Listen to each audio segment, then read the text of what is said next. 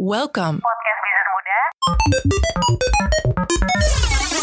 Kakak Rama, Hmm, tahu nggak Senin kemarin tuh tepatnya tanggal 29 Maret yang kilang minyak meledak? hmm. Oh, yang kilang minyaknya Pertamina di Indramayu. Iya, tepatnya di daerah Balongan. Iya, ih Nah. gila itu ngeri banget ya, Kak. Ih, serem. Nah itu tuh Kak Rama, Mm-mm. kilang minyak yang meledak itu merupakan milik PT Pertamina RU6. Oh. Nah, yang kebakaran itu terjadi di tangki T301G. Hmm. Nah, kilang minyak RU6 ini merupakan kilang minyak ke-6 dari 7 kilang minyak milik Direktorat Pengolahan PT Pertamina Persero. Oh, gitu. Iya, yang kegiatan bisnis utamanya adalah mengolah minyak mentah atau Oh. crude oil. Pengolahan minyak mentah ini diolah menjadi produk bahan bakar minyak atau Mm. BBM. Lalu ada non BBM Mm-mm. dan petrokimia. Oh, gitu. Terus dia kan salah satu kilang minyak terbesar juga nih. Iya. Nah, si kilang minyak yang ada di Balongan ini, BMRS juga mampu memproduksi eh, beberapa bahan bakar seperti premium, Pertamax, terus juga ada Pertamax Plus juga. Ada pertama Mm-mm. Dex juga ya. Iya, terus ada solar Pertamina Dex, terus juga ada kerosen atau minyak tanah. Oke. Selain itu, dia juga memproduksi LPG sama propilen. cukup banyak dan lengkap. Yang maksudnya yang ada di sekitar kita tuh ternyata diproduksi Diproduksi dari di- sini. Balongan itu di kilang minyak Balongan. Nah, terus produksi ini juga eh, dipasok ke eh, sejumlah wilayah kayak ke DKI Jakarta, Banten, kemudian juga ke Jawa Barat dan sekitarnya. Jadi ya kalau misalnya kilang minyak itu kebakaran, ya otomatis dampaknya juga Iya, luas iya. banget. Turut berduka cita ya atas eh, meledaknya kilang minyak di Balongan. Pertamina di Balongan.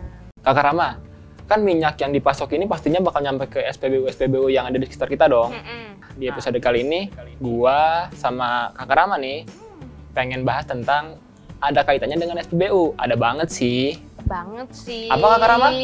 Bisnis SPBU, bener Iya, nggak? Yes, tepatnya bisnis SPBU itu masih menguntungkan nggak sih di era saat Hmm, ini? Apalagi kan sekarang eh, ada kendaraan listrik nih ya bahan Iya. bakarnya. Jadi masih cuan nggak sih kalau misalnya bisnis SPBU? Kan eh, beberapa SPBU di Indonesia ini bermacam-macam nih Kak Rama. Mulai dari Pertamina, Mm-mm, ada Shell, terus ada ExxonMobil. oke. Iya. dan masih banyak lainnya. Kira-kira kalau gue pengen buka franchise dari SPBU, Hmm. mahal nggak ya Kakak Rama? Waduh, gue belum pernah nyoba sih ga. Cuman kayak boleh deh kita cari tahu sekarang. Oke. Mm-mm. Nah, ini nih BMers, berdasarkan data yang udah kita cari nih, kalau kalian mau buka franchise-nya SPBU Pertamina, Mm-mm. kalian harus nyiapin uang sebesar 5 miliar sampai 20 miliar. Waduh, 5M sampai 20M. Yes, of course. Kalau gaji UMR bisa nggak ga? Eh, bisa. Hmm. Cuman umur-umur 70 juga belum tentu. Nah, bisnis SPBU ini Mm-mm.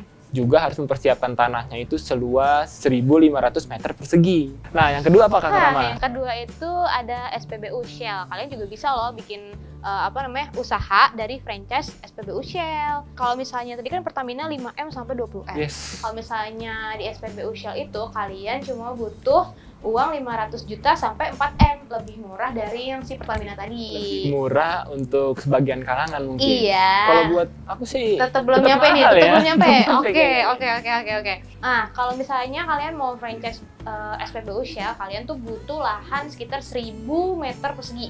Nah, yang ketiga nih BMers ada yang namanya Exxon Mobil. Di antara kedua tadi nih, itu bisa dikatakan lebih murah lah franchise-nya. Oh iya, Yes, karena itu hanya ratusan juta, tepatnya di 110 juta sampai 140 juta rupiah. Oh, lebih murah. Nah, nih Kak Rama, Hmm. Ternyata nih dari bermacam-macam SPBU tersebut mempunyai tiga jenis eh, franchise. Oke, berarti ada bagi-bagiannya lagi tuh. Yes, ada tiga tuh. Yang Hmm. pertama itu ada CODO.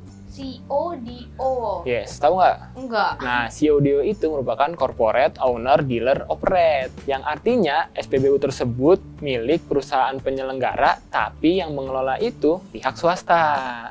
Terus yang kedua itu ada COCO bukan sih? Yes, of course. Yang eh, kepanjangannya itu adalah Corporate Owner Corporate Operate. Yang artinya itu semuanya itu punya si eh, perusahaan penyelenggara gitu. Iya. Jadi nggak ada pihak swasta.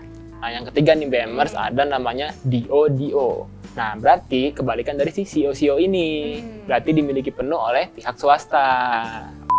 Eh, Rangga, Rama, emang masih cuan ya hari gini bisnis SPBU-nya? Yah. Waduh. Hmm, Pertanyaan menarik nih. menarik. Kalau misalnya ngomongin cuannya, sebenarnya keuntungan dari bisnis SPBU ini eh, ada jangka waktunya gitu loh. Oh iya, Ah. betul, tuh, tepat tuh. Iya, jadi jangka waktunya sih agak panjang sih, Bemers. Jadi nggak lo baru buka, terus abis itu lo langsung cuan, nggak juga. Sebulan kemudian gitu, dua bulan kemudian kan nggak Hmm, mungkin. Atau bisa jadi tahunan. Nah itu, untungnya itu bisa tahunan sampai Hmm. belasan tahun. Iya benar, soalnya ada yang namanya faktor lokasi dari si SPBU sendiri. Iya, kalau eh, kalian buka SPBU di lokasi yang strategis ya Hmm. mungkin bisa lebih cepat, tapi tetap aja tahunan. Iya, namanya juga bisnis, ga harus sabar lah, nggak langsung cuan. Iya, betul tuh BMers. Nih Karama, sekarang kita kasih tahu ke BMers nih tentang margin yang didapat oleh SPBU Pertamina pada tahun 2016. Nih, Pertamina memberikan margin tinggi untuk penjualan pertamax dan pertamax plus Oh. dibanding premium. Itu pada Hmm. tahun 2016 nih berdasarkan riset yang kita cari. Asik. Nah, yaitu hampir 100 rupiah per liter lebih tinggi dibanding harga dari premium. si premium. Iya. Kalau Pertamax itu berada di Rp375 per Per liter. liternya, sedangkan premium hanya di Rp277 per liternya. Nah, kalau tadi kan di tahun 2016. Kalau misalnya setahun sebelumnya, Oke. lebih tepatnya di 2015 itu Pertalite kan ada lagi nih ada Yes. Pertamax, ada Premium. Nah, kalau Pertalite itu penjualan margin penjualannya itu lebih besar dibandingkan Premium. Kalau Pertalite itu margin penjualannya sekitar Rp300 per liter. Nah, kalau misalnya Premium itu cuma 230 sampai 275 per liternya. Oh, berarti lebih besar si Pertalite ya. Nah, Nika Rama, di tahun 2019, Kementerian SDM mengeluarkan keputusan Menteri nomor 9K Mm-mm. garis miring 10 Mm-mm. garis miring M garis miring 2019 yang mengatur tentang formula dasar dalam perhitungan harga jual eceran jenis BBM umum, Mm-mm. jenis BBM bensin, dan Mm. solar yang disalurkan lewat stasiun pengisian BBM di SPBU atau stasiun pengisian bahan bakar nelayan atau SPBN. Di peraturan tersebut juga ditetapkan margin harga eceran nih, Kayak gitu. Ga. gimana tuh Kak Rama? Lebih tepatnya margin harga eceran untuk BBM non subsidi, Pertalite, terus Pertamax CS kayak Pertamax, Oh, Pertamax Turbo, oke. Pertamax Plus, Plus itu juga. Terus kemudian ada solar dex ya. mm-mm, ada Dexlite juga yang eh, margin harga eceran itu paling tinggi 10% Oke. dan eh, paling rendah itu 5% dari harga dasarnya. Oh berarti dibatasi gitu ya, paling tinggi Iya. cuma 10 dan Paling paling rendah rendahnya 5 5% doang. Sekarang kan harga pertalite di pasaran itu sekitar 7.650 rupiah. rupiah. Nah, kalau 10 persennya berarti sekitar 765 rupiah ya, Karama. Hmm, Nah, kita asumsikan nih, BMers. Kalau yang terjual itu misalnya 15.000 hmm. liter per hari. Jadi keuntungannya itu sekitar ya 11.475.000, Karama. Wih. kalau dikali 30 hari atau sebulan nih Karama eh, penghasilannya itu bisa 344 juta 250 ribu rupiah per bulannya Di... Tertarik nggak? Hmm, tapi kan modalnya juga gede ya. oh iya ya Tapi cuannya juga lumayan. Gak cuman duit doang sih, gak. Yang perlu mesti disiapin? Kita siapin, iya. Apa aja Ada tuh, Kakak juga Rahma? persyaratan yang perlu kamu siapkan nih, Bemer. Kalau misalnya kamu emang tertarik buat bisnis franchise SPBU. Yang pertama, kalian harus eh, siapin eh, fotokopi KTP. oke aku punya Ah, ya, gue juga punya. Dari pemilik atau pimpinan badan usaha. punya nggak ya lanjut Kak Karama Terus yang kedua, kalian juga harus nyiapin namanya biodata perusahaan. Terus udah gitu ada layout bangunan SPBU-nya kayak gimana, itu juga harus disiapin. Terus Hmm. juga ah, kalian harus nyiapin namanya peta lokasi.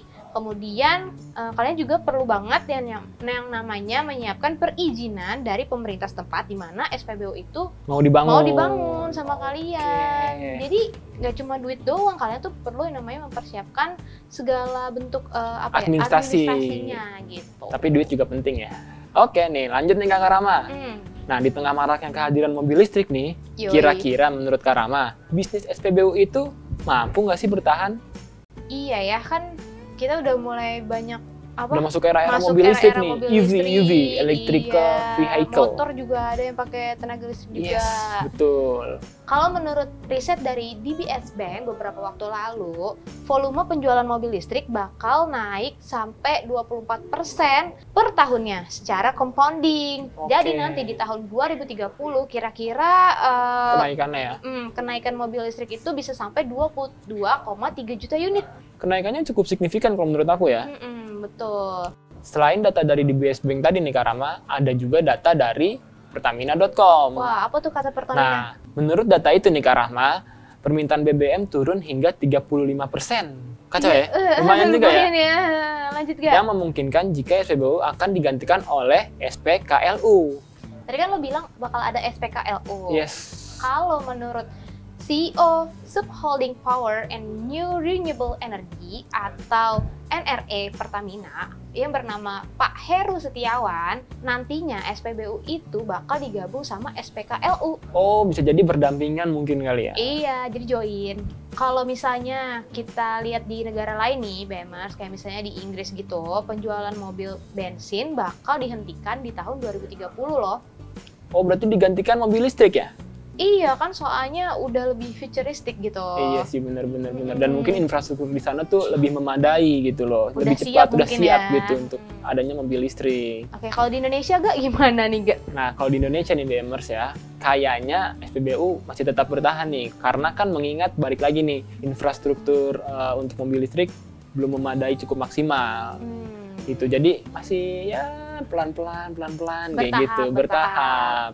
Jadi, kalau misalnya kamu mau berencana bisnis franchise SPBU, kayaknya sih masih menguntungkan ya di masih masa-masa masih sekarang. menguntungkan betul tapi balik lagi kayak tadi ya tahunan lah balik modalnya Iya, lagi juga nanti Harus kan sabar-sabar. bertahap ya, nggak Yes. bakal langsung seret langsung ganti jadi apa PKLU SPKLU. iya bertahap juga itu pastinya Mm-mm. sekian dulu nih BMR pembahasan kita tentang Bisnis franchise SPBU. kalau kalian mau buka buka aja asal punya duit dan syarat administrasinya lengkap Betul banget. Podcast Bisnis Muda Thank you very much.